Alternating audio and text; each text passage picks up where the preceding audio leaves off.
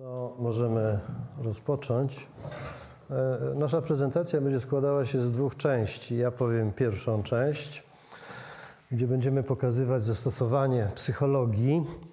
Pokażemy zastosowanie psychologii w kontrolowaniu tak zwanych zachowań konsumenckich. Jak to się robi.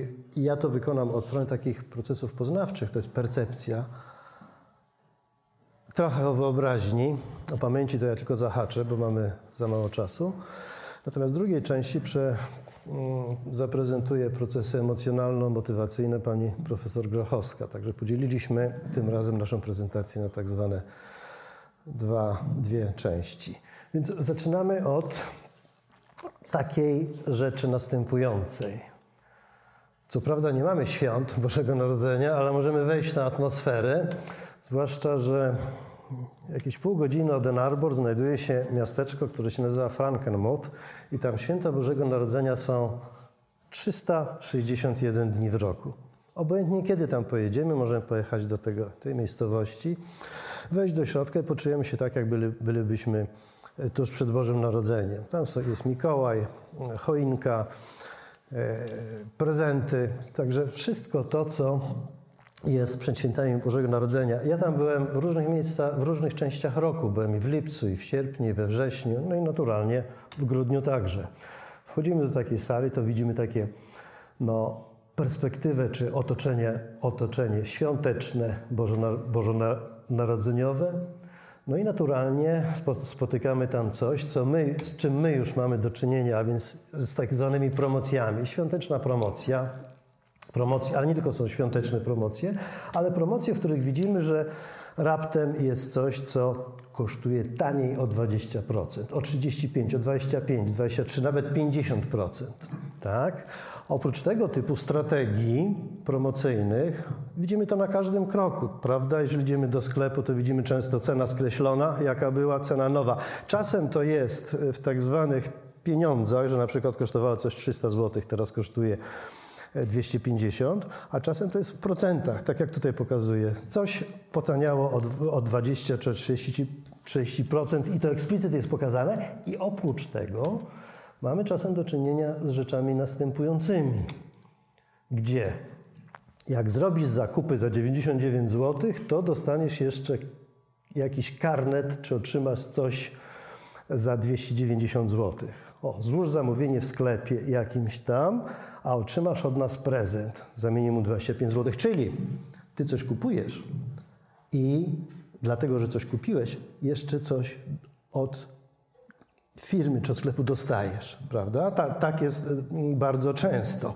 Zastanowimy się nad pewnymi dość złożonymi czy psychologicznymi mechanizmami, które tkwią, można powiedzieć, za tym rabatem 30, 30, 30 czy 30, 35 czy 20% oraz dlaczego my, dlaczego sklep czy firma chce nam coś dać. Czyli krótko mówiąc, dlaczego obniżki są aż tak duże, 20-30%. I dlaczego do oferowanego produktu dodaje się coś więcej. Naturalnie nie jest, y, my z, z, tym mamy do czynienia prawie na co dzień, jeżeli idziemy do supermarketów kupować różne produkty, to jednak za tego typu strategiami kryją się bardzo złożone, czasem no, dość skomplikowane mechanizmy psychologiczne, z których my nie zdajemy sobie sprawy, a warto je sobie uświadomić. Popatrzmy na procesy sensoryczne, na psychologię. Tymczasem tylko na razie na psychologię. Zaraz przejdziemy do tego, dlaczego te obniżki są właśnie takie, e, takie duże i dlaczego one mają mieć akurat 20%, a nie na przykład 10 czy 5. Połóżmy na dłoni ciężarek 50-gramowy. Ile trzeba dodać, żeby dostrzec różnicę? Dodajemy pół grama. Czujemy? Nie. Dodajemy 1 gram. Przy 50 dodanie 1 grama spowoduje tak, o, już zauważyliśmy, 50 i 51 różnicę czujemy, ok? Teraz dodajemy, daje, kładziemy na dłoni ciężarek 100 gramowy. Dodajemy pół grama, nic. Dodajemy 1 gram, też nie czujemy różnicy. Dodajemy półtora, jeszcze nie, a przy dwóch już e, ktoś, kto ma na dłoni 100 100 gram oraz 2, już tą różnicę czuję, tak? Czyli 2 gramy do 100, wystarczy dodać 2 i już poczujesz różnicę. Zaraz zobaczymy, jaką to ma relację do tak zwanych rabatów, czyli tych 20%, jeśli chodzi o cenę. Ale popatrzmy 200. Jeżeli mamy 200 gram, masz na dłoni ciężarek 200 gramowy, dodajesz pół, czujesz różnicę? Nie. Jeden? Nie. Dwa? Też nie. Trzy? Też jeszcze nie. Ile? Nie, ktoś tutaj powiedział cztery. A więc e, e, pani powiedziała cztery. Większość też zauważyłem, że e, też zauważyła, że to prawdopodobnie trzeba dodać cztery, czyli Państwo dokonali tak zwanego, tak zwanego uogólnienia, prawda, gdzie implicyte w Waszych głowach pojawiło się no, pewne tak zwane, pewna prawidłowość. Jedna pięćdziesiąta to jest to samo co dwie setne, to cztery dwusetne i to się równa 0,02, czyli to jest tak zwany K to jest ta stała, ten, ten, ułamek Webera, to jest ten, ten, rabat. Nie? On jest tutaj trochę, trochę niski, bo on dotyczy, dotyczy tak zwanego ciężaru. Dla ceny ten rabat jest znacznie większy. Właśnie on wynosi nie 0,02, bo dla ciężaru tyle wynosi, tak? co myśmy pokazali na przykładzie dodawania, dodawania ciężaru do tak zwanej wagi wyjściowej, tylko ten rabat przy cenie wynosi 0,2, a 0,2 to jest ile w procentach? 20, prawda? Czyli jeżeli mamy cenę coś kosztuje 400 zł, to żeby konsument dostrzegł różnicę, tak, że ten rabat mój jest opłacalny, to o ile trzeba obniżyć? O 20% mniej, czyli o 80 zł. Tak? Widzimy ten problem tutaj na przykładzie właśnie tego ułamka Webera. Warto zwrócić uwagę, zauważyć to, że to jest w ogóle było pierwsze bardzo precyzyjne prawo w ogóle w psychologii. To jest pewna prawidłowość psychologiczna dotycząca procesów percepcji, samej sensoryki. Teraz prawo Webera w strategiach cenowych, ona jest różna w zależności od pieniędzy, ile ty posiadasz. Jeżeli masz bardzo dużo pieniędzy, to twoja wrażliwość jest na, na, na, na pieniądz jest mniejsza. W związku z tym od razu można powiedzieć, że jeżeli wrażliwość jest mniejsza, to ten ułamek Webera dla ceny, czyli dla, dla ludzi bogatych, będzie większy czy mniejszy? Powinien być. Nie, większy. Większy, bo trzeba więcej obniżyć, żeby on dostrzegł tę różnicę.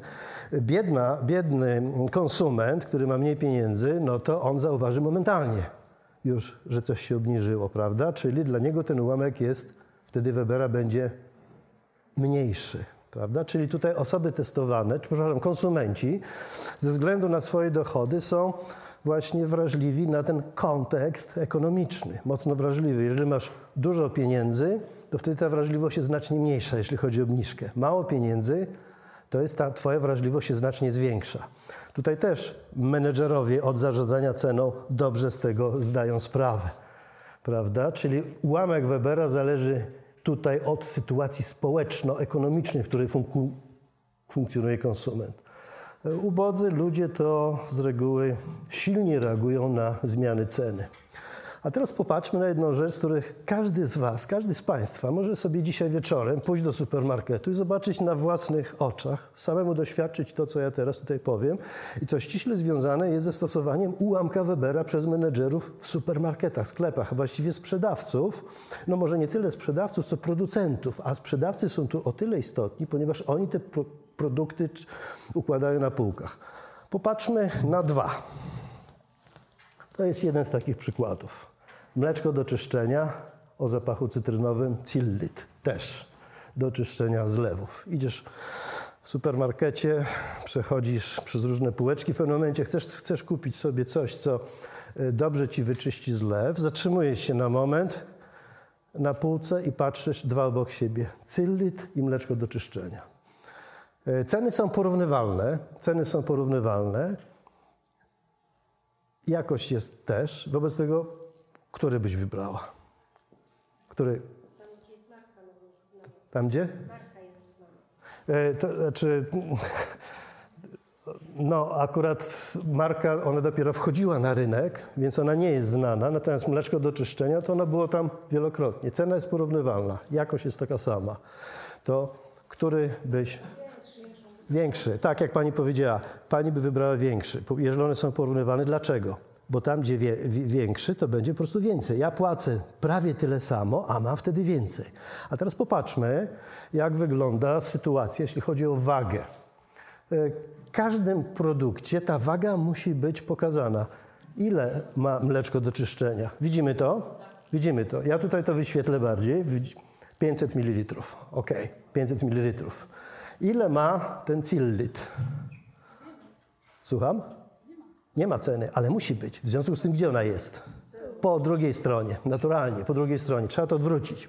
Prawdopodobieństwo, że gospodyni domowa, która idzie, poszła do sklepu, chce to szybko kupić, to, że odwróci, to jest bardzo niewielkie. Ona widzi, że to jest większy, włoży do koszyka. Ale ja odwróciłem i zobaczmy, jak to wygląda. Mleczko do czyszczenia ma 500, tam oczywiście waga jest i ona ma 450. Widzimy? Tak, ona jest większa, a mamy 450. Natomiast to jest mniejsze niż ten ułamek Webera, co jak weźmiesz do rąk, nie odczujesz tej różnicy jednej i drugiej. Widzimy?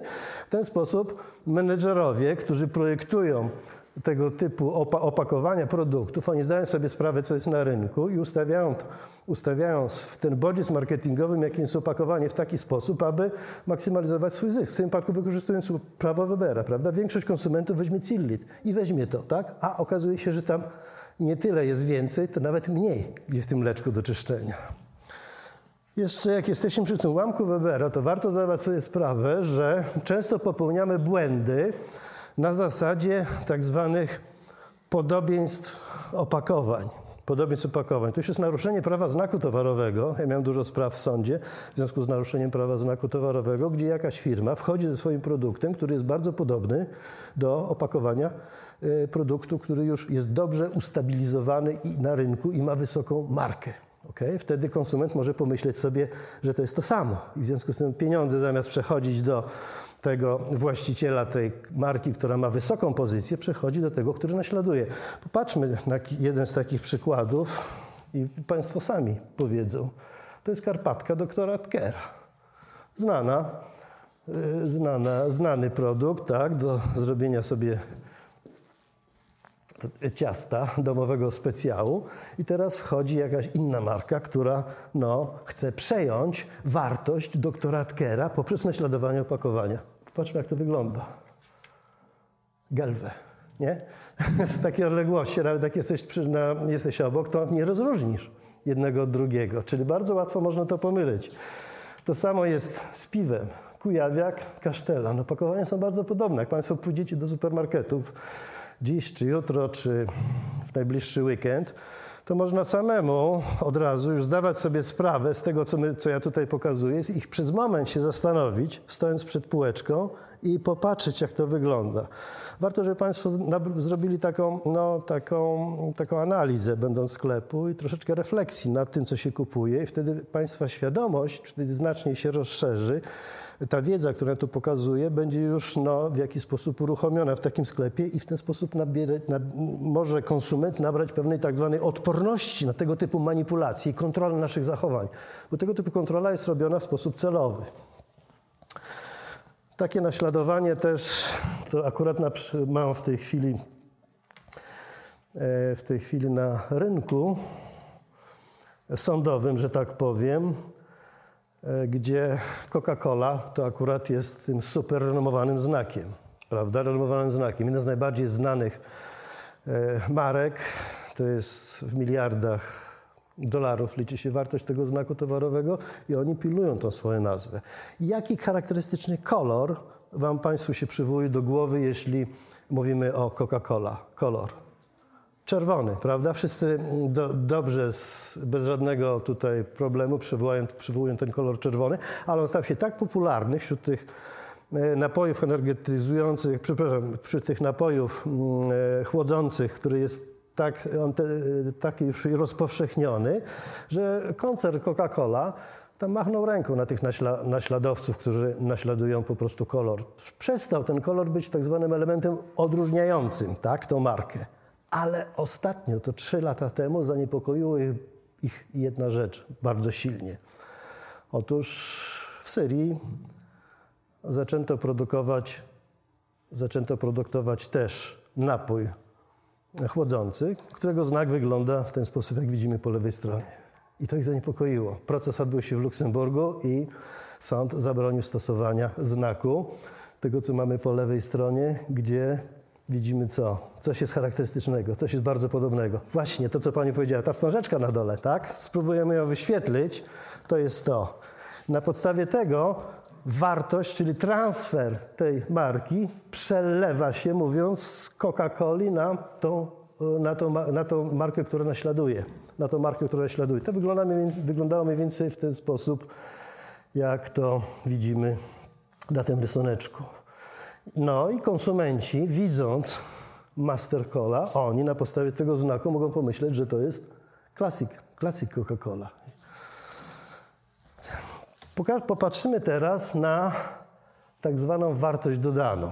Ta druga sprawa. Pierwszą rzecz, którą myśmy tutaj sobie przeanalizowali, to dotyczyła, dotyczyła rabatów. Dlaczego te rabaty mają 20%? To już wiemy, bo jeżeli rabat będzie miał mniej niż 20%, na przykład 10, 15, konsument tego nie zauważy. On musi przekroczyć ten próg, ten ułamek Webera.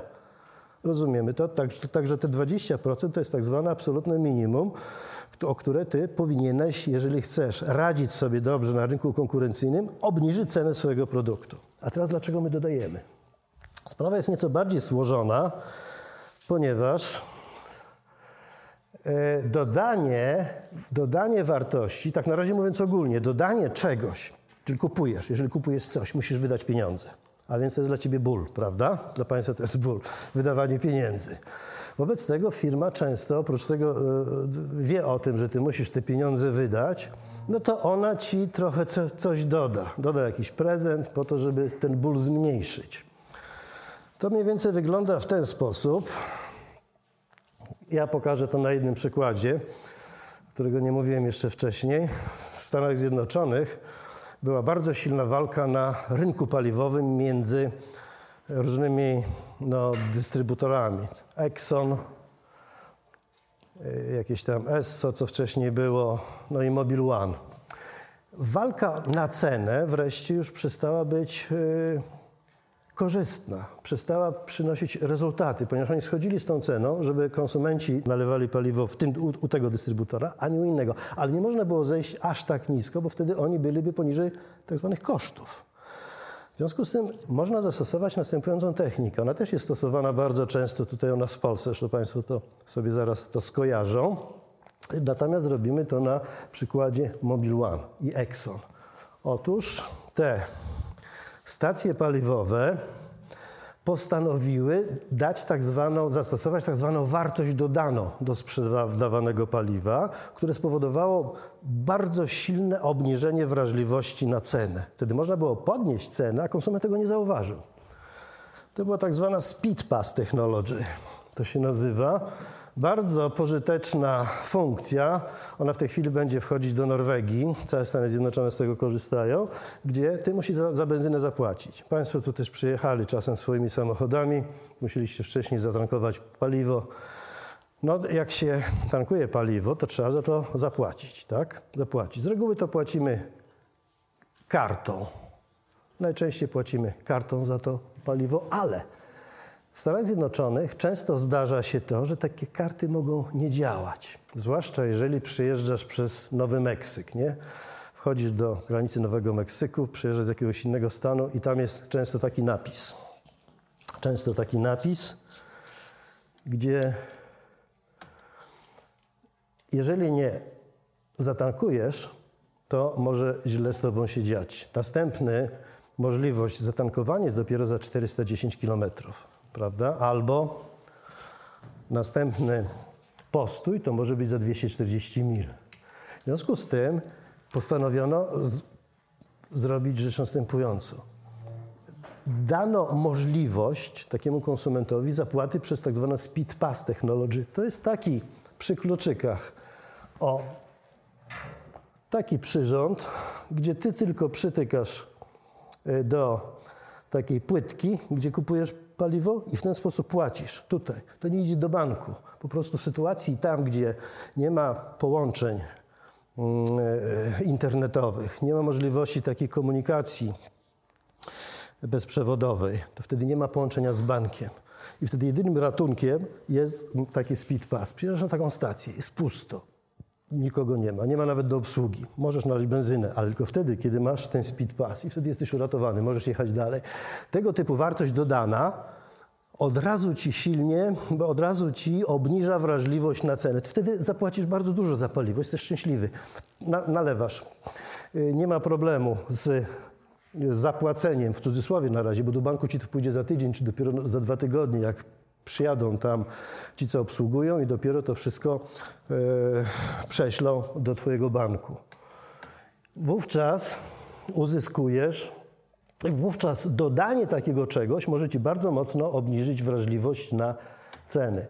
Nie będę tutaj Państwu mówił na temat tak zwanej teorii psychologicznej, która bardzo dobrze to wyjaśnia. Państwo sobie mogą sami gdzieś tam dotrzeć do tego, jeżeli nie, to ja mogę przesłać przez e-mail, jak mnie poprosicie. W każdym razie, jeżeli Ty musisz wydać 100 zł, to masz taki ból. Nie? Jeżeli dostajesz, to się cieszysz, ale cieszysz się troszeczkę mniej. To jest tak zwana teoria perspektywy. Y, ja tylko pokazuję to jedynie po to, żebyśmy no zobaczyli, że to jest dość złożona sprawa i z tej teorii perspektywy wynika, wynika kilka prawidłowości tak zwanego księgowania mentalnego, które to prawidłowość jest stosowana, do, do, która jest stosowana yy, i realizowana właśnie dodając tak zwane gratisy, czyli dodając tak zwane no, wartości dodane. Popatrzmy na tą zasadę, która no, realizowana była przez ten Pass Technology, a która tutaj pokazuje tą naszą sytuację dodawania e, tak zwanego, e, dodawania tej wartości, wartości jeszcze, czyli tak zwanej wartości dodanej w sposób następujący. Popatrzmy na pierwszą i drugą sytuację. Pierwsza sytuacja to jest płacisz za jakiś produkt 3500 zł, masz za to zapłacić, ale sprzedawca ci dodaje coś jeszcze za 200. Ok? To jest pierwsza. A druga sytuacja, coś, co początkowo kosztowało 3500 zł, to teraz nastąpiła obniżka do, na 3300. Widzimy? Pierwszą sytuację, drugą. W pierwszej sytuacji, tak samo i w drugiej, firma inwestuje dokładnie tyle samo, 200 zł. Ok? I z ekonomicznego punktu widzenia one są równoważne. To jest to samo. Ale z psychologicznego punktu widzenia one są zasadniczo różne. Gdzie jest większy ból, a gdzie jest mniejszy ból? To powie koleżanka. No, większy ból będzie w drugim przypadku. W drugim przypadku, tak jest.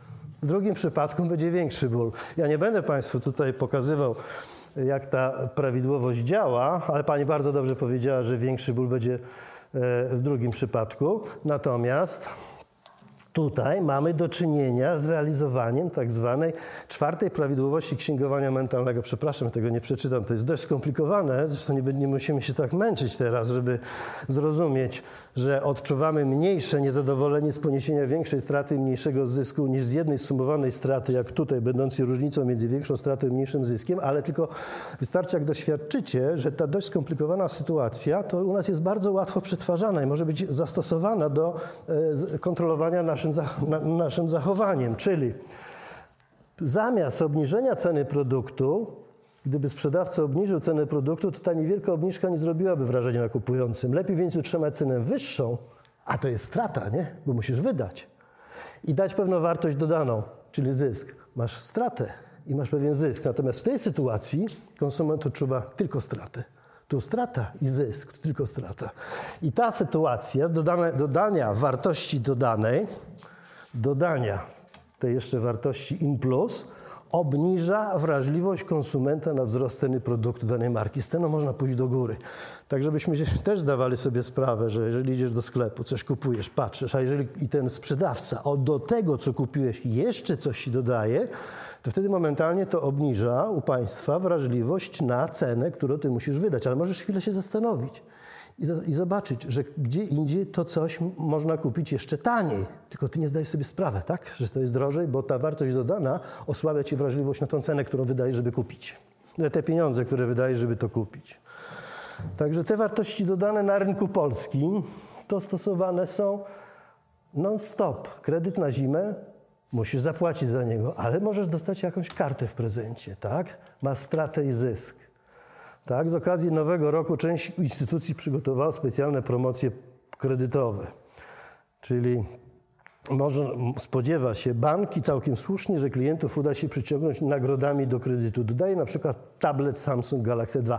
To, że widzimy i to bardzo często w sklepie kupujesz coś i, i sprzedawca jeszcze ci dodaje, to za tym tkwi ta bardzo, dość, bardzo złożony mechanizm psychologiczny, który dostał świetnie opracowany w tak zwanej teorii perspektywy w psychologii. Także ja to nie musicie Państwo tej teorii perspektywy teraz rozumieć, bo to jest dość skomplikowana i złożona sprawa. Natomiast wystarczy zdawać sobie sprawę, jak to jest, jak, jaki to psychologiczny mechanizm jest złożony, który no, jest uruchamiany, a my nie zdajemy sobie z tego sprawy, żeby obniżać nam wrażliwość na cenę psychologiczny, który myśmy tutaj usiłowali tak troszeczkę pokazać, a w zasadzie liznąłem tylko problem, żebyśmy to odczuli tak, no, tymczasem powierzchownie, jednocześnie zdając sobie sprawę z dość głębokich yy, no, koncepcji psychologicznych, które wyjaśniają ten nietrywialny mechanizm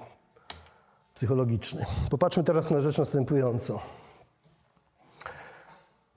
Zestawienie pierwsze. Idziesz do sklepu, chcesz coś kupić. Tak? I widzisz w pewnym momencie sweter, który kosztuje 89 zł na początku. Ta cena jest skreślona, cena aktualna 75. Ok? A teraz w, drugi, w drugim sklepie masz ten sam, sklep, ten sam sweter, który kosztuje 93 zł. Ona ta jest skreślona i cena wynosi 79. Pytanie stawię, w którym zestawie różnica między parą liczb wydaje się mniejsza? Mniejsza, tak? Tak jest. Mniejsza wydaje się w pierwszej, nie? Czyli popatrzmy, to paradoksalnie to 79 zł w kontekście 93 jest mniejsze niż niż 175. Widzimy to? Także my, także sprzedawcy manipulują nami, tak mówiąc w cudzysłowie, ja nie lubię tego słowa manipulacja, bo to jest taki pejoratywny wydźwięk troszeczkę, e, ale chcą kontrolować nasze zachowanie właśnie w ten sposób, definiując na czym polega tak zwana cena odniesienia. Cena odniesienia mamy 89 albo 93. To teraz popatrzmy, jak wygląda sytuacja na rynku sprzedaży, kiedy my robimy ten tak zwany, tak zwany rabat z 89 na 75, 93 na 79. A różnica ile wynosi w jednej i drugiej, sytu- w jednej, drugiej sytuacji? Dokładnie taka sama. Ona jest identyczna.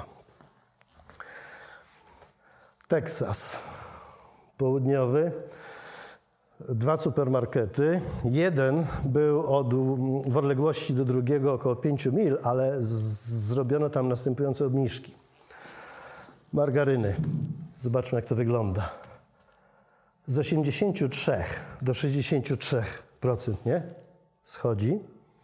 I z 83 do 59 w drugim supermarkecie. Z 83 do 59 to z 83 do 63 tam z 83 do 59. W pierwszej sytuacji wzrost sprzedaży nastąpił do o 194%, a w drugiej? Powinien być więcej, ale popatrzmy, on zdecydowanie nieproporcjonalnie więcej. 406 widzimy, a z 406, mimo że ta różnica w centach nie usprawiedliwia tak dużej podwyżki, ale dokładnie ten proces, e, ta, ten zysk, ten procent sprzedaży, który tak dramatycznie poszedł do góry, dokładnie wynika z tego, co myśmy tutaj samemu doświadczyli. Tak jak pani powiedziała słusznie, że tutaj Zresztą każdy z Was, 93 a 79 to wydaje się być ta większa różnica niż pierwsza, pierwszej. To popatrzmy jeszcze na to już pominiemy, to był inny supermarket, ale też bardzo podobnie. Ja pokażę taki ciąg liczb. Dobrze? Pokażę ciąg liczb. Pokażę ciąg liczb. Ten ciąg liczb ja pokażę przez 2-3 sekundy, żebyśmy zrozumieli ten mechanizm też. 2-3 sekundy. A zadaniem Państwa jest powiedzieć, jaki jest iloczyn, czyli wynik mnożenia. Tylko bez żadnego liczenia, ok? Bez żadnego liczenia. Po prostu powiecie mi, ile Wam się wydaje, jaki jest wynik iloczynu. Dobrze? Powiesz, koleżanko, za chwilę ja do ciebie podejdę i mi powiesz, ale nie licz. Każda odpowiedź jest ok, każda odpowiedź jest dobra. Możemy to zrobić? Dwie, trzy sekundy. A wy, a państwo powiedzą mi, jaki jest wynik mnożenia. To popatrzcie na ten szereg. Trzy sekundy i zabieram go z powrotem. I od razu możesz sobie zapisać albo zapisać w głowie.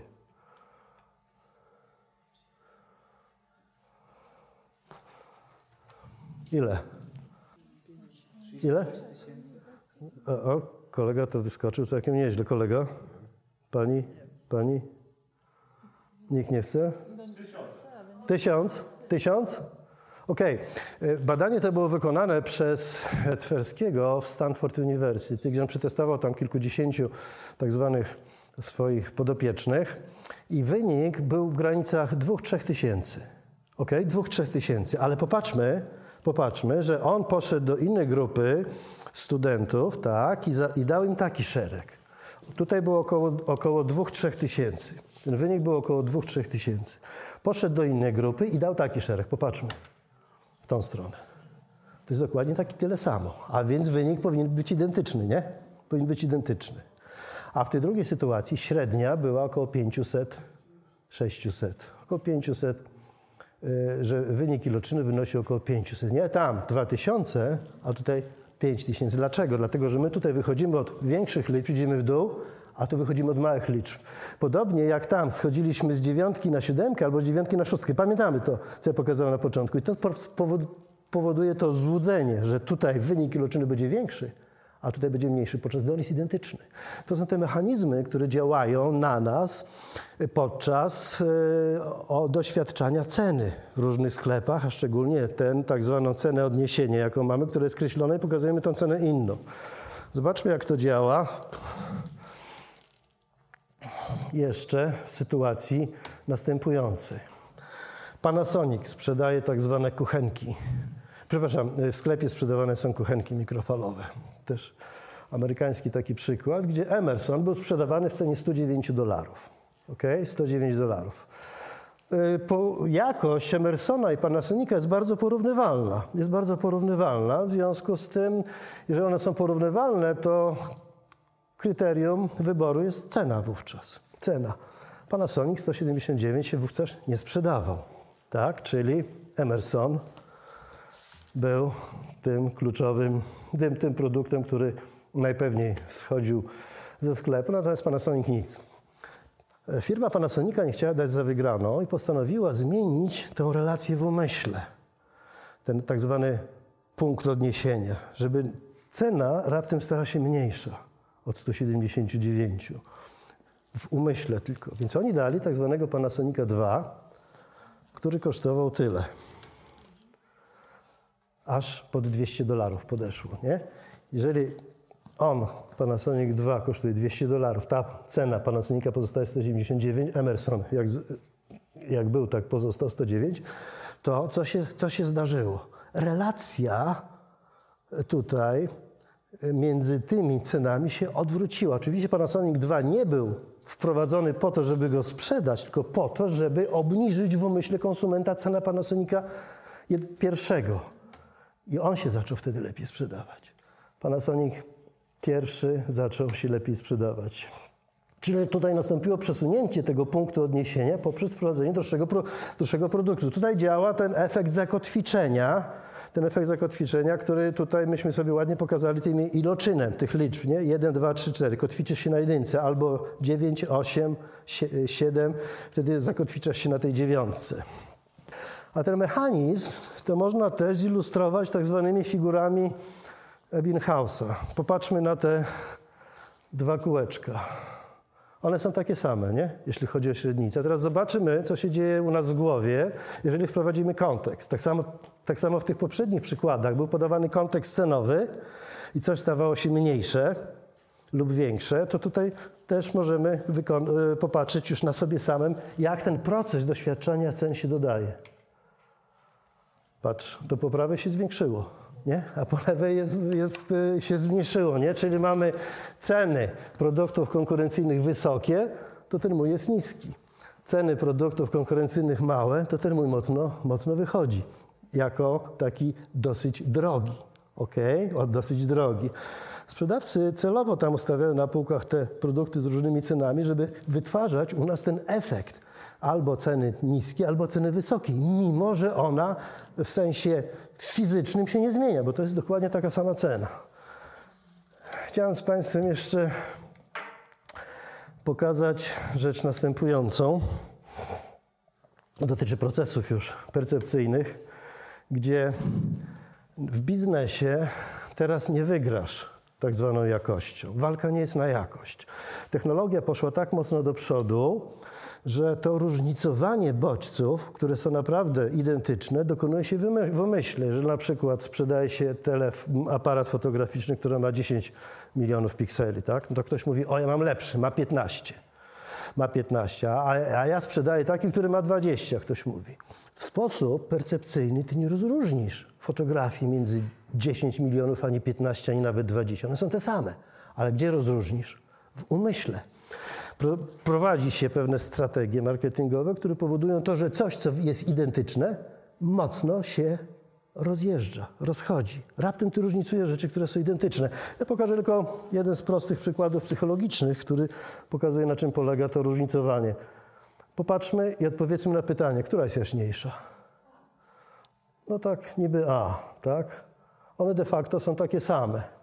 A teraz popatrzmy na tą bryłę. Ja wskażę od ścianki. Która jest jaśniejsza?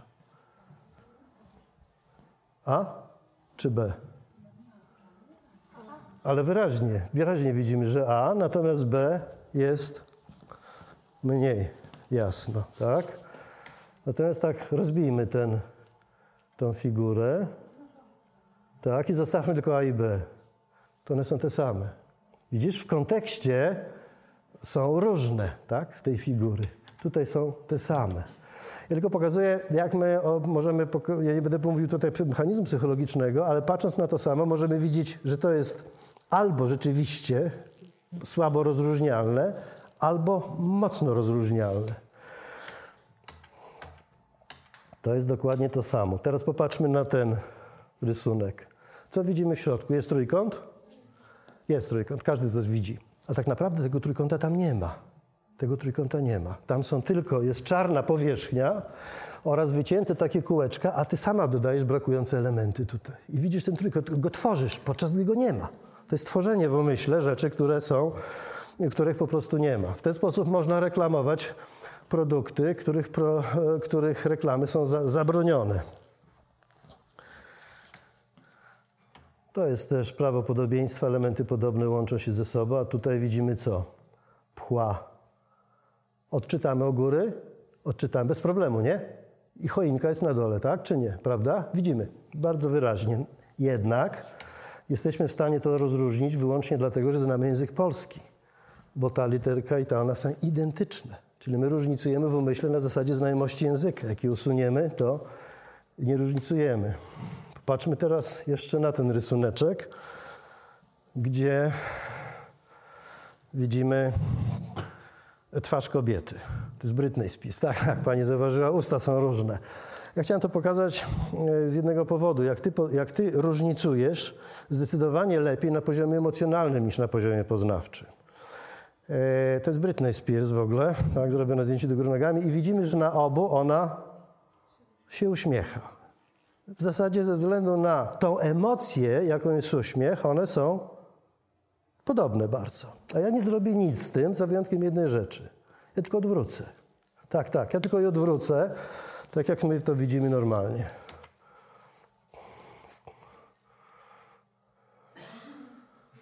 Widzimy? Popatrz. I teraz tu jest dramatyczna różnica między tymi. Tu jest odpychający grymas, to się uśmiecha, a tu oba się, o, tutaj się uśmiecha i tutaj się uśmiecha. Czyli nie zmienia nic. Czyli ta sama to może pani właśnie odwrócić się do góry nogami i zobaczy odwrotnie to, tak? Czyli patrząc na to samo, widzimy raz, że to jest bardzo bliskie, albo raz, że to jest bardzo odległe od siebie. E, to popatrzmy, w jaki sposób można wykorzystywać te prawidłowości e, w kontrolowaniu naszych zachowań. Na przykład dodawanie brakujących elementów. Billboard. Nie można reklamować wódki, a widzimy tam butelkę? Widzimy. Tą butelkę widzimy. Widzimy. Widzisz? Jest czy nie? Jest, tak? Ale de facto to tutaj nie ma. Są tylko pewne elementy, a ty dodajesz brakujące, e, brakujące elementy do tej do tego rysuneczku, ale w umyśle dodajesz i tworzysz figurę. Raptem widzisz tą butelkę, tak? Ale tam nie ma, nie ma firmy Belvedere, nie ma nic. Popatrzmy jeszcze, to jest ostatni przykład, bo koleżance będę musiał oddać mikrofon, ale to chwila. e, pomiar tak zwanej znajomości marki. Ja miałem niedawno proces sądowy w związku z bardzo silnym atakiem na firmę Maspex przez firmę Footcare, ponieważ e, Black e, to jest ten napój energetyzujący, stracił prawa do Tigera i Tiger i on chciał, a wcześniej Footcare sprzedawał Tigera, to go zaatakowali tak, żeby zdeprecjonować ten, ten, ten wizerunek. Zobaczymy tą prawidłowością psychologiczną. Tylko najpierw ja spróbuję pokazać e, Państwa znajomość, pomiar świadomości marki przez rozpoznawanie. To są brakujące elementy, żeby rozpoznać, jaka to jest marka. Każdy w głowie sobie myśli, że to może być co? Disney, to Kodak, to Delta, to Gillette, tak? Tutaj mamy Lego. Tutaj mamy Nike. Widzimy? Czyli tak samo jak tam, jeżeli masz wiedzę na temat, na temat danej marki, to wtedy brakujące elementy łatwo dodajesz i widzisz tą całość. Otóż Maspec, y, Footcare zaatakował Maspex, czyli tą firmę Tiger, w ten sposób, że zaczął deprecjonować Tigera w taki, w, tak jak tu widzimy. Jakieś ostre, poszarpane, poszarpana taka to opakowanie i mamy y, no, y, negatywne emocje na widok tego opakowania właśnie w ten sposób się tworzą. Tak samo jak tutaj. Natomiast co widzimy tutaj nazwę? Widzimy Tiger, tak czy nie? To są pewne elementy T, G, R, ale znasz markę, to dodajesz te brakujące elementy i oni wypuścili, tak samo jak tutaj mamy te brakujące, brakujące, brakujące elementy i oni wypuścili, czyli no, wyimitowali na billboardach tego typu reklamy. Oryginalny smak nowej puszce, ale nie mają prawa do, do słowa tiger. Ale widzimy to słowo tiger, nie? Jak szefowi Foodkera powiedziano, że jednak on tam stosuje to, to tiger, to powiedział, wszystko jest nielegalne. Nie używamy przecież słowa tiger. Widzimy? Ja e, robiłem ekspertyzę w sądzie, żeby pokazać, na czym ta deprecjacja polega. To, to też reklama mi się pojawiła, no to ten efekt był następujący, że po deprecjacji marki, po, a po, po takim ataku, akcje Tigera zaczynają spadać w dół. Widzimy? Zaczynają spadać w dół ale Futker, który zaatakował, nie stoi w miejscu. Czyli Black idzie do góry przez ten atak. Przez ten atak idzie do góry. Jego niewiele może interesować to, że on ściąga w dół konkurenta. Tego typu reklama negatywna wybija cię mocno do góry. Czyli to dotyczy nie tylko reklam negatywnych, ale każdego z nas, koleżanki, kolegi, chcesz poprawić swój wizerunek, chcesz być bardziej atrakcyjną, to zostaw podkreślanie tak zwanych walorów pozytywnych swoich. One są jakoś tam, będą, może trochę pójdziesz do góry, ale zdecydowanie atrakcyjność Twoja wystrzeli mocno, jeżeli Ty ustawisz siebie tak, aby być widzianym w negatywnym świetle swojej konkurentki. Tak to sobie tutaj nazwijmy, nie? Czy konkurenta. To jest istota y, y, dużego, dużego no, oddziaływania reklamy negatywnej. Ten atak na konkurenta powoduje to, że ty pójdziesz wysoko do góry. To jest działanie tak zwanych no, wykorzystanie pewnych prawidłowości psychologicznych. Nie? Myśmy powiedzieli tutaj tak zwane A, B, nawet C. Jeszcze nie zdążyłem pokazać, opowiedzieć, jak można te, te, te techniki, te technologie wykorzystywać. One są naprawdę mocno rozwinięte bardzo skutecznie stosowane. Zachęcam do postudiowania literatury na ten temat. Jestem przekonany, że panie, widząc taki kontakt też wzrokowy, byłyby tym zainteresowane. Jestem otwarty na ewentualne dosłanie materiałów, także każdy z Państwa prześle do mnie prośbę, że był tutaj na takim wykładzie, chciałby widzieć więcej, to ja wtedy przygotuję taką paczkę i Wam przez e-mail wyślę, żebyście sobie mogli to postudiować. Natomiast tutaj tylko w tak zwanej no, drogą zachęty nie? do zgłębienia tych mechanizmów sobie myśmy powiedzieli to od strony poznawczej. Dziękuję. Dzień dobry Państwu. Tak, rzeczywiście e, po tych dość twardych i konkretnych danych moja część będzie bardziej miękka i z zupełnie innej strony psychologicznej spojrzymy na to, dlaczego ulegamy reklamom, dlaczego ulegamy różnego rodzaju formom perswazji marketingowej, choć bardzo często nam się wydaje, że mamy już pewną świadomość konsumencką, e, wiemy, że przecież tam siedzą za, tkwią za tymi markami całe sztaby ludzi, którzy próbują nas przekonać do zakupu. Więc staramy się być czujni i staramy się nie ulegać a jednak, nawet jak wiemy, to ulegamy. Y, przyjrzymy się kilku takim mechanizmom. Y, na początek będzie kilka takich elementów y, reguł wpływu społecznego i tego właśnie, jak one tutaj działają, a potem pokażę mechanizmy motywacyjne. No, w tę motywację wpleciona jest, wplecione są także emocje i zobaczymy, jak tutaj siła pewnych mechanizmów powoduje, że no, jest to nieuniknione że nawet jak wiemy, to ulegamy. Spójrzmy sobie najpierw może na taką, może zanim pokażę, spójrzmy tak, zastanówmy się nad jedną rzeczą. Czy y, zetknęliście się Państwo wśród swoich znajomych, a może sami tak myślicie, że nie, no inni to ulegają reklamie, ale ja nie, ja nie. Inni tak, więc okazuje się, że 80% ludzi tak właśnie twierdzi, że inni ulegają reklamie, ale ja nie, więc nie wiadomo, gdzie jest ta cała reszta. Y, spójrzmy na takie proste zjawisko. Wyobraźmy sobie, że jesteśmy studentami, czy w jakiejkolwiek innej sytuacji jesteśmy egzaminacyjnej. Y, proszę sobie pomyśleć, y, i określić na skali od 0 do 100, w jakim stopniu określacie Państwo prawdopodobieństwo tego, że przeciętnemu studentowi w trakcie sesji egzaminacyjnej może przytrafić się dwóje. Macie? Y, proszę też na tej skali określić, że przeciętnego człowieka może spotkać miła niespodzianka podczas jego przyjęcia urodzinowego. Mamy jakąś sumę, wartość? Mamy. I proszę określić prawdopodobieństwo tego, że przeciętny człowiek jest uczciwy. Mamy, mamy. To teraz spójrzmy od drugiej strony. Na tej samej skali oceń, że tobie jako studentowi może przytrafić się dwuja w trakcie sesji egzaminacyjnej. Że ciebie może spotkać miła niespodzianka podczas twojego przyjęcia urodzinowego i że ty jako student jesteś uczciwy. Tam się niektórzy uśmiechają, bo każdy dostrzegł tę dysproporcję. No właśnie, i na tej asymetrii spostrzegania społecznego oparty jest też ten mechanizm, o którym wspomniałam na początku. Jeżeli zapytamy, w jakim stopniu przeciętny człowiek ulega reklamie, no, wszyscy ulegają reklamie, tylko nie ja. No właśnie, ale w jakim stopniu ty ulegasz reklamie? Nie, nie, ja to nie. A przecież no też jesteś człowiekiem. Tu możemy powiedzieć przeciętny człowiek, możemy powiedzieć większość ludzi, to nie ma znaczenia, efekt jest podobny. Stąd właśnie pierwszy taki element, który sobie należy uświadomić, że takie spojrzenie na uleganie lub nieuleganie, nieuleganie reklamie wynika z asymetrii spostrzegania pewnych zjawisk społecznych.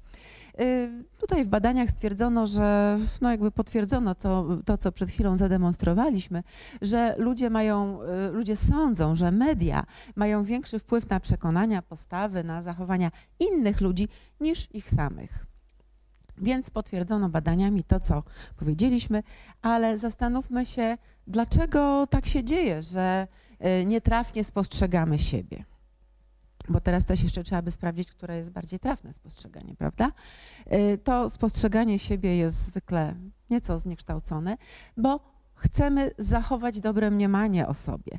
Chcemy y, własne poczucie własnej wartości zachować.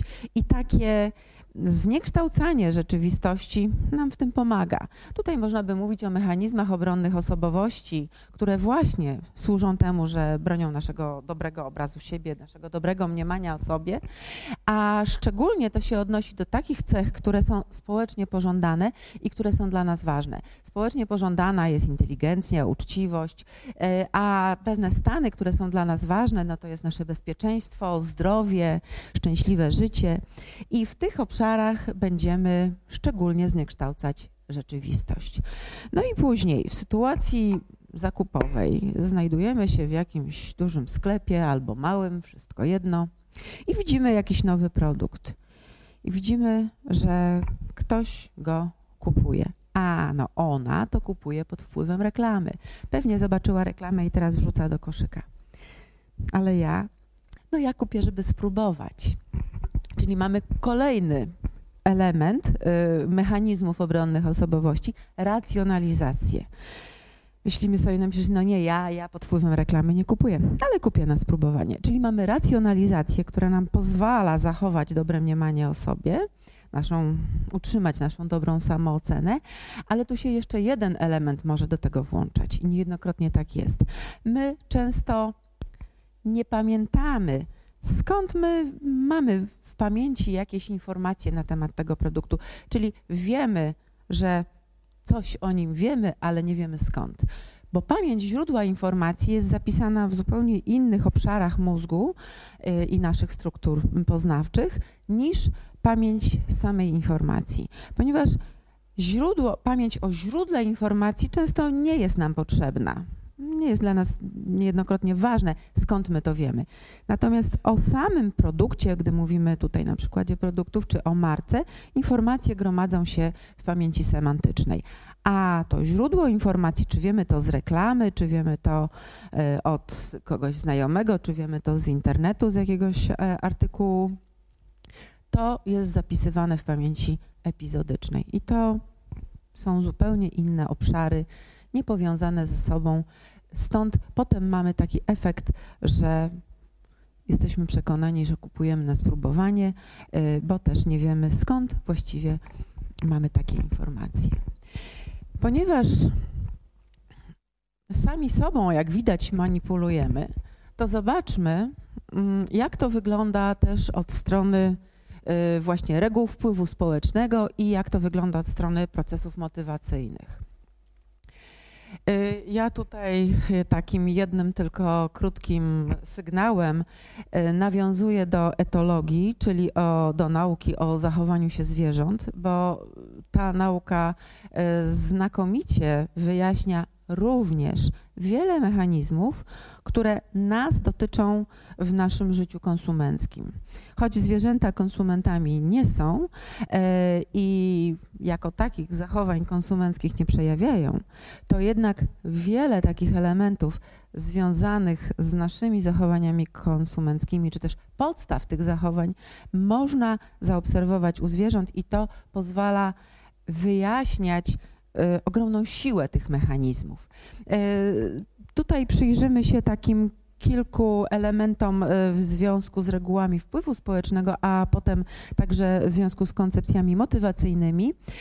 E, mówimy tutaj przede wszystkim o utrwalonych wzorcach reakcji. Pewne, tak jak ptaki na ilustracji w okresie godowym, mają pewne wzorce, które są bardzo silnie utrwalone i które nie wymagają też uprzedniego uczenia się samica wie, że ma zareagować na to czerwone podgardle, że to jest taki efekt y, zachęty y, godowej ze strony samca, ona się tego wcześniej nie uczy.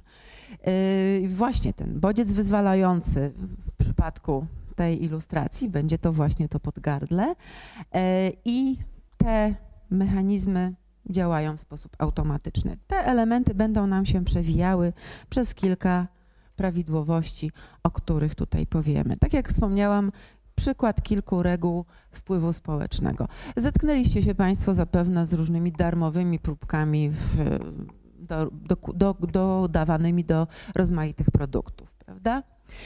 Czy zetknęliście się Państwo y, z taką sytuacją, y, że sprzedawca jest taki miły, że właściwie to trochę głupio tak odmówić, nie kupić, bo on tak się mną zajmuje, y, tak, tak się troszczy, tak y, stara się mi dogodzić i dopasować produkt y, do moich aktualnych potrzeb.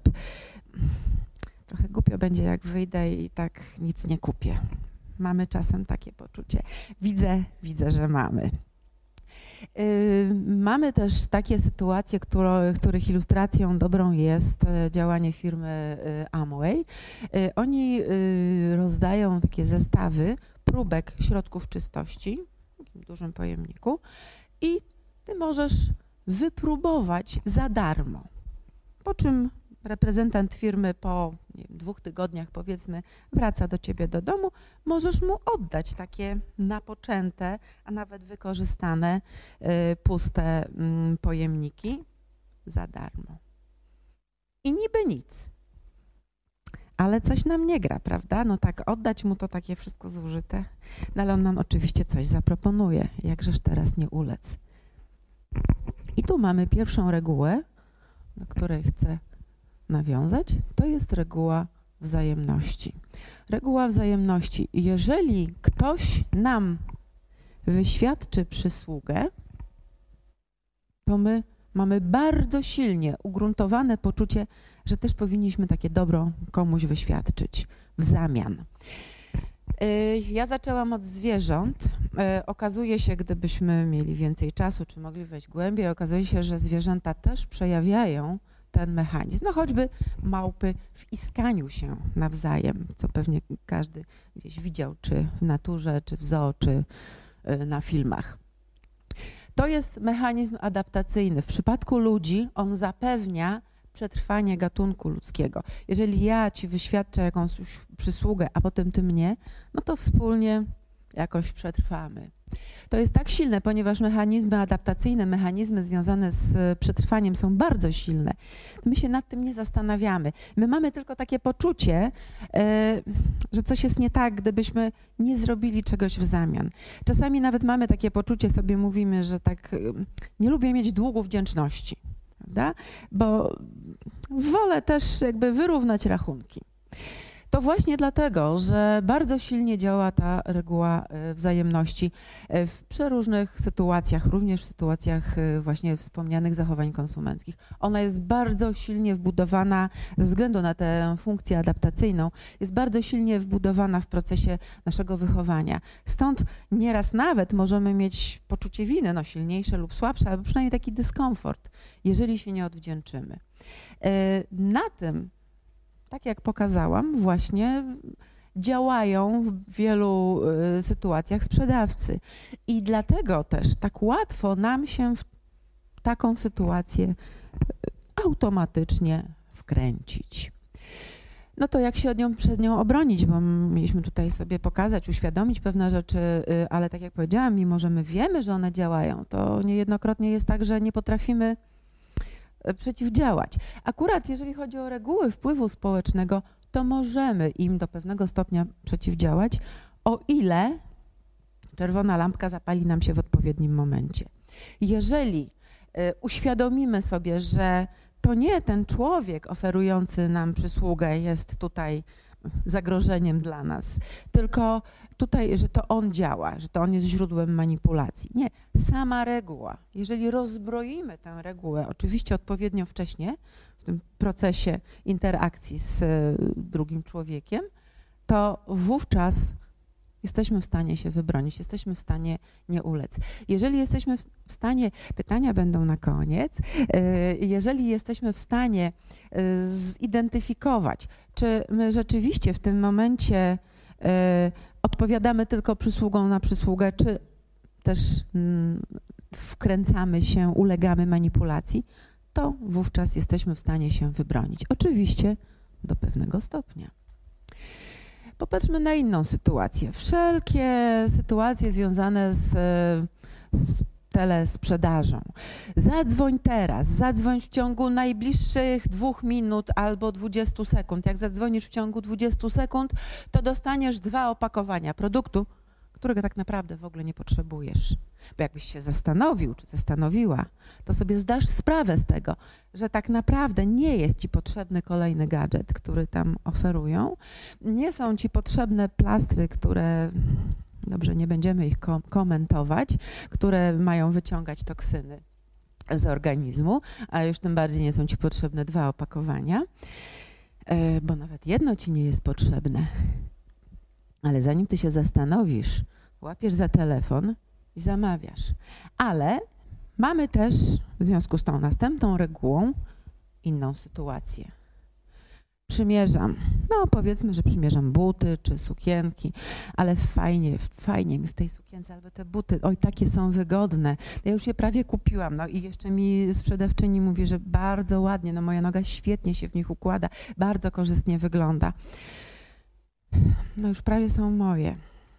No i albo je wezmę od razu, albo się zastanowię. Im bardziej uwierzę w to, im bardziej sama się wkręcę, że rzeczywiście, rzeczywiście one już, one, ja już w nich chodzę, no one są prawie moje. No to jestem zgubiona. Już będą moje. Bo działa tutaj reguła zaangażowania i konsekwencji. I znów tutaj mamy taki bardzo silny mechanizm,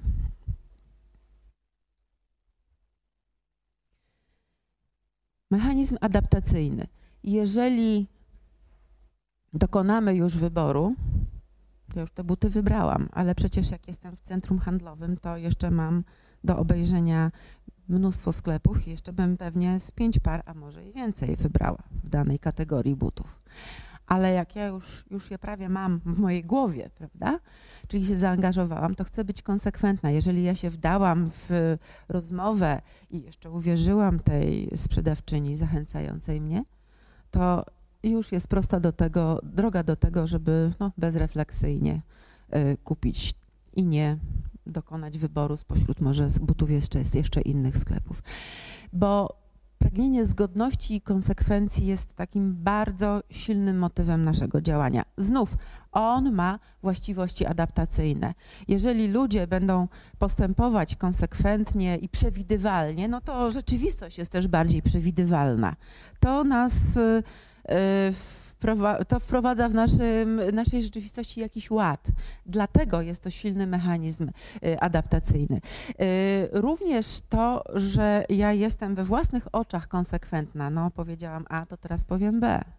Trudno mi się będzie y, wycofać, bo to podtrzyma moją dobrą samoocenę. I jeszcze jeden z kilku, które można by tutaj wymieniać, mechanizmów tutaj działa w zawiłej mm, sytuacji decyzyjnej, choćby takiej, jaką jest dla niektórych pań kupowanie nawet butów, taki automatyzm po prostu nam upraszcza rzeczywistość.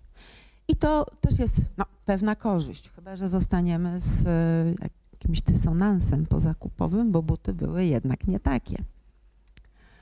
Jak się bronić? Tutaj bardzo prosta dewiza Leonarda da Vinci – Łatwiej powiedzieć nie na początku niż na końcu. Jeżeli wejdziemy w ten proces, wkręcimy się, no to trudno potem nam się samym wycofać, no bo już będziemy niekonsekwentni wobec samych siebie. Dlatego no ważne jest, żeby sobie uświadomić w pewnym momencie, nawet gdy już ten proces zaangażowania i konsekwencji się toczy w naszej głowie, że właściwie to w każdej chwili możemy go przerwać. Właściwie nie musimy tego produktu kupić. No, żeby odróżnić to prawdziwą konsekwencję, tę prawdziwą konsekwencję od takiej no, głupiej sztywności, można by powiedzieć. Jeszcze jedna reguła dla y, ilustracji tego, jak działają reguły wpływu społecznego. Zrobiono taki eksperyment. Y, jedna grupa dostała słój z czekoladkami i tam były dwie czekoladki, one były takie same. A druga grupa też dostała taki słój z czekoladkami. Tam było 10 czekoladek. One też były takie same. Wszystkie były jednakowe w obu słojach, tylko to były dwie, a tu 10. I każda z tych grup miała ocenić yy, smak, jakość tych czekoladek, które były lepsze. Tam, gdzie były dwie. No właśnie, tam, gdzie były dwie. Co tu się dzieje? Y, co tu się dzieje i co to jest za reguła? Już pewnie ją y, Państwo odgadujecie, bo mamy jeszcze takie hasła znane z wielu reklam. Ostatnie wolne miejsca. Ostatnie egzemplarze samochodów rocznika ostatniego, prawda? Oferta ograniczona, limitowane serie. Czyli działa tutaj reguła niedostępności to, co jest niedostępne, a przynajmniej jest prezentowane jako niedostępne, no bo przecież my wiemy, że to nie zawsze jest prawda, taka do końca, to to wydaje nam się bardziej wartościowe, cenniejsze. I dlatego tak reagujemy. No ta, ten eksperyment z czekoladkami tych dwóch słojach jest bardzo takim prostym, ale y, bardzo wyrazistym przykładem tego, jak nasz umysł działa na skróty. Y, dlaczego, dlaczego ten mechanizm jest taki, ten mechanizm y, reguły niedostępności jest taki silny? Znowu, tu można by się odwołać do takich bardzo pierwotnych, adaptacyjnych mechanizmów. Rywalizujemy o to, co jest niedostępne, o to, czego może zabraknąć. No, walka o byt. Mamy taką przesłankę w umyśle. Skoro czegoś jest mniej, to pewnie jest bardziej wartościowe. I bardzo łatwo nam się właśnie dlatego na taki haczyk y, w komunikatach perswazyjnych y, złapać. Y, I też ta nasza skłonność do myślenia, działania na skróty, czyli pewna heurystyka, która owszem upraszcza nam rzeczywistość, ale też czasami może być pułapką. Jeżeli sobie zdamy sprawę z tego, że to jest reguła niedostępności, to łatwo nam się od tego uwolnić. Może zauważyliście Państwo taką sytuację. Mamy dwa stragany, ale przy jednym jest więcej ludzi. I co się będzie działo? No właśnie, wiemy, co się będzie działo. Oczywiście będzie jeszcze więcej ludzi przy tym, przy którym już jest dużo ludzi, e, a przy tym, przy którym nie ma nikogo albo jest mało ludzi, dalej nic się dziać nie będzie, a przecież produkty tam mogą być i bardzo często są bardzo podobne, takie same, równoważne. Czyli to, co tutaj możemy powiedzieć, to, yy, to jest istotne. Emocje, yy, niedostępność wzbudza emocje. Można tutaj sobie przypomnieć takie sytuacje, które widzimy czasami yy, są relacjonowane w mediach. Yy, jakaś noc wyprzedaży albo otwarcie nowego centrum handlowego i obiecane jakieś szalone promocje w związku z tym, albo na przykład kiełbaska za złotówkę, y, której za chwilę nie będzie. Wiemy, jakie dantejskie sceny wówczas mają miejsce. No właśnie, ale jeżeli skontrolujemy swoje emocje znowu w odpowiednim momencie, tak, nie damy się ponieść temu owczemu pędowi, bo tu jest jeszcze kolejna reguła. Y, ale no, wszystkich sobie dzisiaj e, nie omówimy, to jesteśmy w stanie się powstrzymać, no właśnie, od tego zachowania takiego zgodnego z owczym, owczym pędem, tak? Czyli z tego społecznego dowodu słuszności. Skoro wszyscy tam idą, bo tu mamy powiązanie tych reguł, to znaczy, że tam warto być. No, nie zawsze warto. Oceńmy sytuację, tak jak w tym eksperymencie z czekoladkami, uświadommy go sobie w takim momencie. I uświadommy sobie, że te nasze emocje są takim dobrym sygnałem, że tutaj coś chyba jest nie tak. No i zastanówmy się, czy my naprawdę potrzebujemy akurat kupić ten produkt.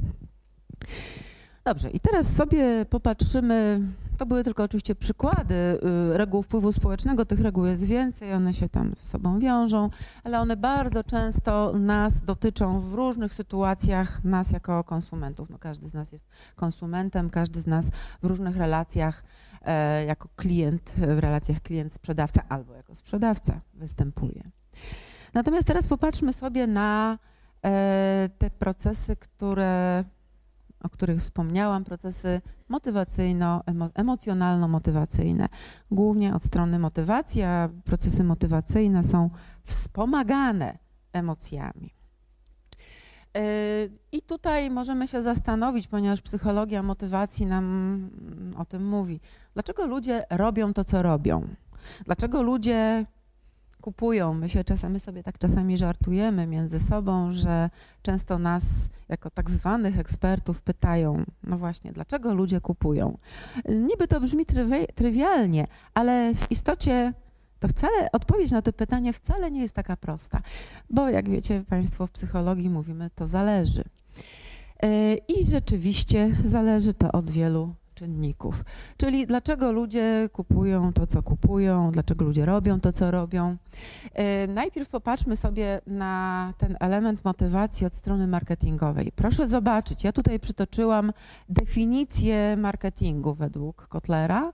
Marketing jest procesem społecznym i zarządczym, dzięki któremu konkretne grupy otrzymują to, czego potrzebują i, to, i co pragną osiągnąć poprzez tworzenie, oferowanie i wymianę posiadających wartość produktów. Jak wiemy, było takich dwóch panów, którzy usiedli w garażu y, wiele lat temu y, i powiedzieli, jeden z nich powiedział jeszcze coś innego, że my zrobimy produkt, o którym ludzie nawet jeszcze nie wiedzą, że go potrzebują.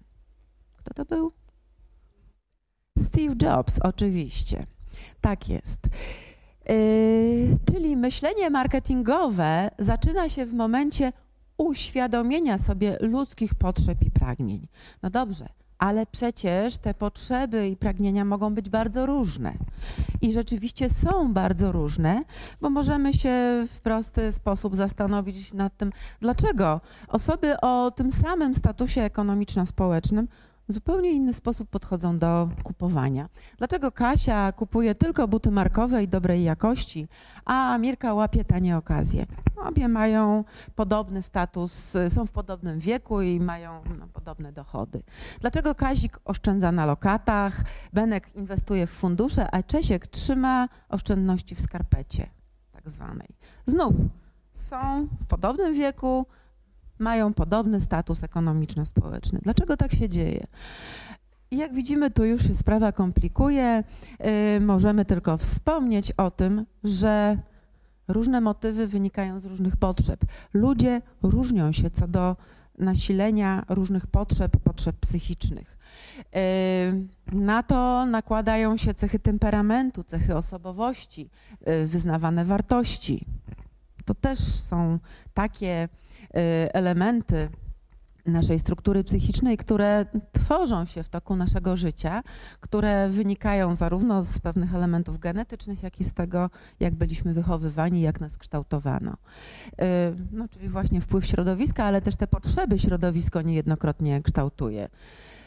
No i jeszcze mogą do tego dojść czynniki sytuacyjne. Y, ja tutaj pokażę niektóre z koncepcji psychologicznych, czy wokół koncepcji psychologicznych yy, mieszczące się, yy, dotyczące motywacji, aby na ich przykładzie pokazać, jak właśnie te mechanizmy motywacyjne są wykorzystywane później, uruchamiane w nas za pomocą, za pośrednictwem reklam. Yy, Pierwszym takim bardzo podstawowym, bo znowu blisko zwierząt się mieszczącym, czyli wywodzącym się od etologów, tych badaczy zachowań zwierząt, e, jest to podejście ewolucyjne, a w nim podejście etologiczne. Tutaj zwraca się uwagę na takie elementy, podstawowe terminy jak e, instynkt, to zachowanie instynktowne, takie związane z popędem, wrodzony mechanizm wyzwalający, czyli ten element, którego się, ten, ten mechanizm, którego się nie musimy uczyć, żeby on był uruchomiony, gdy zobaczymy bodziec wyzwalający. Wiemy, że na przykład takim y, instynktem jest instynkt rodzicielski. Nie musimy się uczyć, no ludzie się uczą, ale gdybyśmy się nie uczyli, też byśmy w stanie, byli w stanie opiekować się dzieckiem. Zwierzęta nie uczą się opieki nad, nad dzieckiem, nad swoim y, potomstwem y, małym, a potrafią to robić. Ale żeby to zachowanie wystąpiło, to musi się pojawić bodziec wyzwalający, czyli właśnie widok, no w wypadku instynktu rodzicielskiego, widok tego małego dziecka. Czy to dziecka zwierzęcego, e, czy to dziecka ludzkiego. I motywacja tutaj będzie gotowością do wykonania pewnego utrwalonego wzorca zachowania. To jest ten element, który nie wymaga uczenia się. On jest nam, można powiedzieć, wdrukowany. To jest rozpisane. I tutaj jeszcze jeden taki fragment związany z koncepcją e, etologiczną, e, tak zwana zasada podwójnej kwantyfikacji. Zaraz zobaczymy, jak to, jak to się wszystko przekłada na reklamy. E, Konrad Lorenz stwierdził, że żeby wystąpiło zachowanie, muszą być spełnione dwa warunki. Musi występować jakiś popęd i musi wystąpić bodziec wyzwalający. I teraz, jeżeli ten popęd jest mały, to musi być bardzo silny bodziec, żeby wystąpiło zachowanie. Jeżeli powiedzmy, jesteśmy bardzo mało głodni, czy w ogóle nie głodni, to naprawdę nie wiem, jak wspaniałe danie trzeba przed nami postawić, żebyśmy zechcieli je zjeść. Yy, I odwrotnie, jeżeli jesteśmy bardzo głodni, czyli siła popędu jest bardzo duża, to niewiele trzeba, a nawet co gorsze, zaspokoimy się nawet byle czym, bo jesteśmy strasznie głodni. Czyli tutaj musi nastąpić taka średnia musi nastąpić równowaga. E, są też sytuacje, kiedy jest bardzo silny popęd, nie ma bodźca wyzwalającego, mówimy wtedy o aktywności jałowej, nie wiem, no na przykład e, jeżeli mówimy o popędzie głodu, nasz układ trawienny działa, funkcjonuje, ale nie ma co trawić. E, jeżeli nie ma popędu, to nie ma zachowania, to jest ta ostatnia sytuacja. No i popatrzmy, jak to bywa wykorzystywane, jeżeli chodzi o Y, reklamy. Załóżmy, że to, co tu widzimy, to jest jedzenie.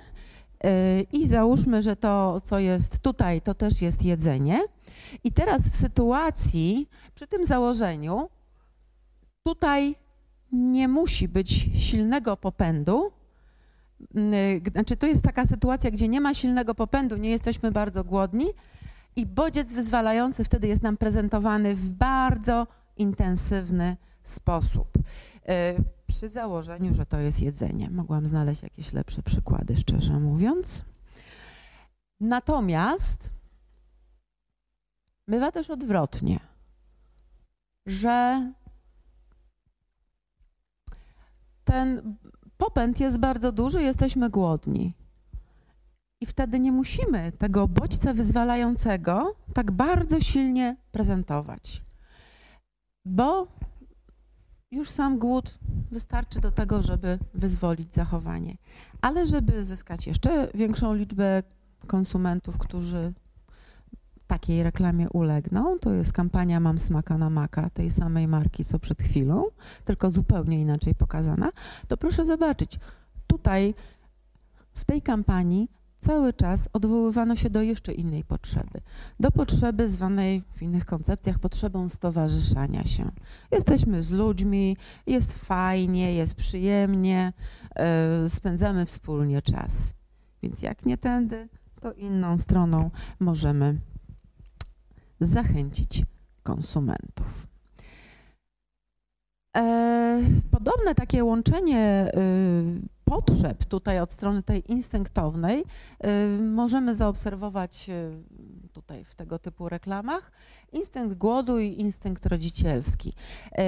Wiemy, że bardzo skutecznie, właśnie dlatego, właśnie wiemy teraz już dlaczego, tak skutecznie działają reklamy, w których są małe dzieci albo małe zwierzątka, prawda? Przyjemnie nam się to ogląda i zwykle pozytywnie reagujemy ale. Zaraz przejdziemy do tego ale. Tutaj mamy przykład y, instynktu głodu i instynktu rodzicielskiego po, połączonych ze sobą, choć y, akurat etologiczna koncepcja o tym nie mówi, ale mówią o tym, o tym inne koncepcje psychologiczne.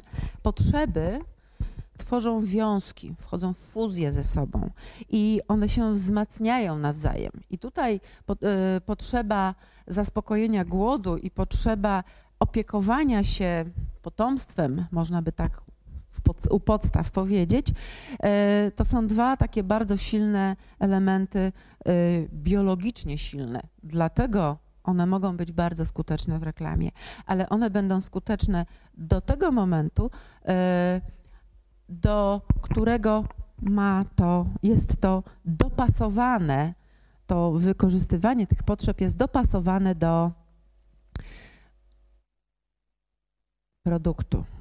Bo niejednokrotnie widzimy takie reklamy, w których dzieci, możemy powiedzieć, są jak stare, malutkie prezentowane, w których dzieci właściwie nie wiadomo, co robią. No bo co robi dziecko e, w reklamie systemów kominowych? Oczywiście można taką fabułę reklamy stworzyć, że zbudujemy bezpieczny dom dla naszej rodziny i naszych dzieci. No to już będzie trochę lepiej. Ale co robi dziecko, które opowiada, że tata ma na koncie bankowym zresztą same sukcesy? Dziecko, które w ogóle jeszcze nie ma poczucia wartości pieniądza. E, co robi dziecko e, w wykładzinach komfort? No znowu, możemy naciągać ale mamy takie poczucie, że niejednokrotnie te reklamy nam zgrzytają, prawda? No właśnie, czyli nie mamy tutaj spójności i taka reklama nie będzie skuteczna. Owszem, mamy tutaj połączenie tych elementów instynktownych, one mogą zadziałać, ale po pierwsze, Same dzieci mogą przyciągnąć uwagę, odciągnąć od produktu. Po drugie, od razu nam coś zgrzyta, coś nam tu nie pasuje. Jest produkt niedopasowany do do, do tego obiektu, tutaj w tym wypadku dziecka, a taki brak dopasowania powoduje, że reklama jest niespójna. A reklama niespójna jest nieskuteczna. To jest cały duży temat y, spójności reklamy, czyli silnego powiązania pomiędzy poszczególnymi elementami reklamy. Jeżeli tego powiązania nie ma, to reklama będzie gorzej zapamiętywana, będzie mniej pozytywnych emocji budziła niż ta, która będzie spójna, dopasowana. Y, no i przez to też y, nie będzie odnosiła skutku.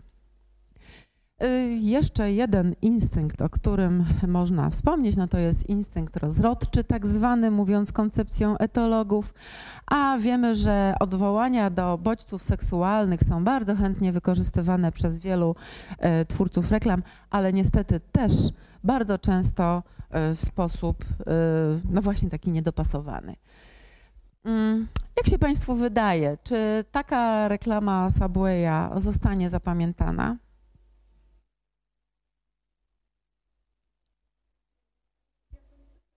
Jako niedorzeczna. E, mówi pani, że jako niedorzeczna. Prawdopodobnie tak. Tylko e, trzeba by się zastanowić, czy po pewnym czasie my będziemy pamiętali, że to był Subway w ogóle. E, będziemy pewnie pamiętali, że był wielki napis seks i że on miał przyciągnąć naszą uwagę, no i to się udało. Tylko on tak przyciągnął naszą uwagę, że już nie będziemy za chwilę pamiętać, że to był Subway. Oczywiście, jak sobie to teraz przedyskutowaliśmy, to będziemy pamiętać, ale jak jedziemy samochodem, czy nawet przechodzimy, widzimy billboard, to na pewno tego nie zapamiętamy, bo jedno z drugim związku nie ma żadnego. E, tutaj mamy inny przykład. Tutaj jest pewien rodzaj dopasowania, rzecz gustu, czy ktoś y, lubi kampanię Dolce Gabbana, czy też nie taką plastikową jakąś. Oni się w taki sposób komunikują. No dobrze, perfumy z seksualnością mogą się, no, wiążą się niewątpliwie, więc jeszcze jest to jako tako uzasadnione, ale mm, ja tu, proszę Państwa, nie pokazałam całej serii reklam, którą mam w zanadrzu, wycięłam ocenzurowałam, bo reklam, które w tragiczny sposób łączą seks z na przykład y, herbicydami y, do y, buraków albo tak, tak, no musiałam ocenzurować, ale można sobie odnaleźć. Nie będę już dalej przytaczać. Cenzura nie pozwala. No czy też słynne blachodachówki, prawda, które są przez roznegliżowane pan. Nie dość, że to jest seksistowskie, to nie ma żadnego związku z produktem. I dlatego nie będzie to skuteczne, bo prawdopodobnie przyciągnie uwagę y, rzeczywiście, tylko czy przyciągnie do produktu, czy do samego tego obiektu seksualnego. No prawdopodobnie jedno z drugim jest tak niepowiązane, że może zapamiętamy, że była jakaś roznegliżowana pani, ale co to był za produkt? Nie będziemy w stanie sobie przypomnieć. Poza tym, y, no właśnie, mamy trochę za dużo y, na naszym rynku y, zwłaszcza takim może drugiego lotu rynku, takich do seksu w nieadekwatny sposób odwołujących się reklam, możemy czuć przesycenie i stąd to powiedzenie, że seks sprzedaje, nie będzie zbyt skuteczne. Czyli y, podsumowując tę część, w zasadzie kończąc, możemy powiedzieć tak, że y, jakie jest znaczenie odwołań do instynktów w reklamie? Z jednej strony instynkty, te potrzeby pierwotne, inaczej mówiąc, oparte są na bardzo silnych mechanizmach, mechanizmach wrodzonych. Dlatego działanie y, reklam na tych instynktach bazujących mm, będzie takie no, niezawodne i bardzo silne. Ale, i teraz to jedno nasze ale, to co powiedziałam, to jest ważne, żeby było dopasowanie, dopasowanie do produktu, bo w przeciwnym razie reklama jest nieskuteczna. Yy, Zapamiętamy ten bodziec, który jest taki silny i dla nas instynktownie ważny, ale produktu, marki prawdopodobnie nie zapamiętamy. A poza tym y, konsumenci jednak potrzebują bardziej wyrafinowanych przekazów niż takie oparte na bardzo, bardzo elementarnych y, instynktach. I to nie tylko tym seksualnym, ale też takie proste reklamy odwołujące się do instynktu głodu, czy też do instynktu rodzicielskiego. Owszem, one mogą być, mówimy, słodkie, ale mimo wszystko one, mm, jeżeli nie będą dopasowane i jeżeli będą ciągle powtarzane w sposób nieadekwatny, skuteczne nie będą. Natomiast to, że wywodzą się z instynktów, to może nas nieraz wprowadzać, e, znaczy łapać na haczyk i temu się nie dajmy. No i dziękuję w takim razie.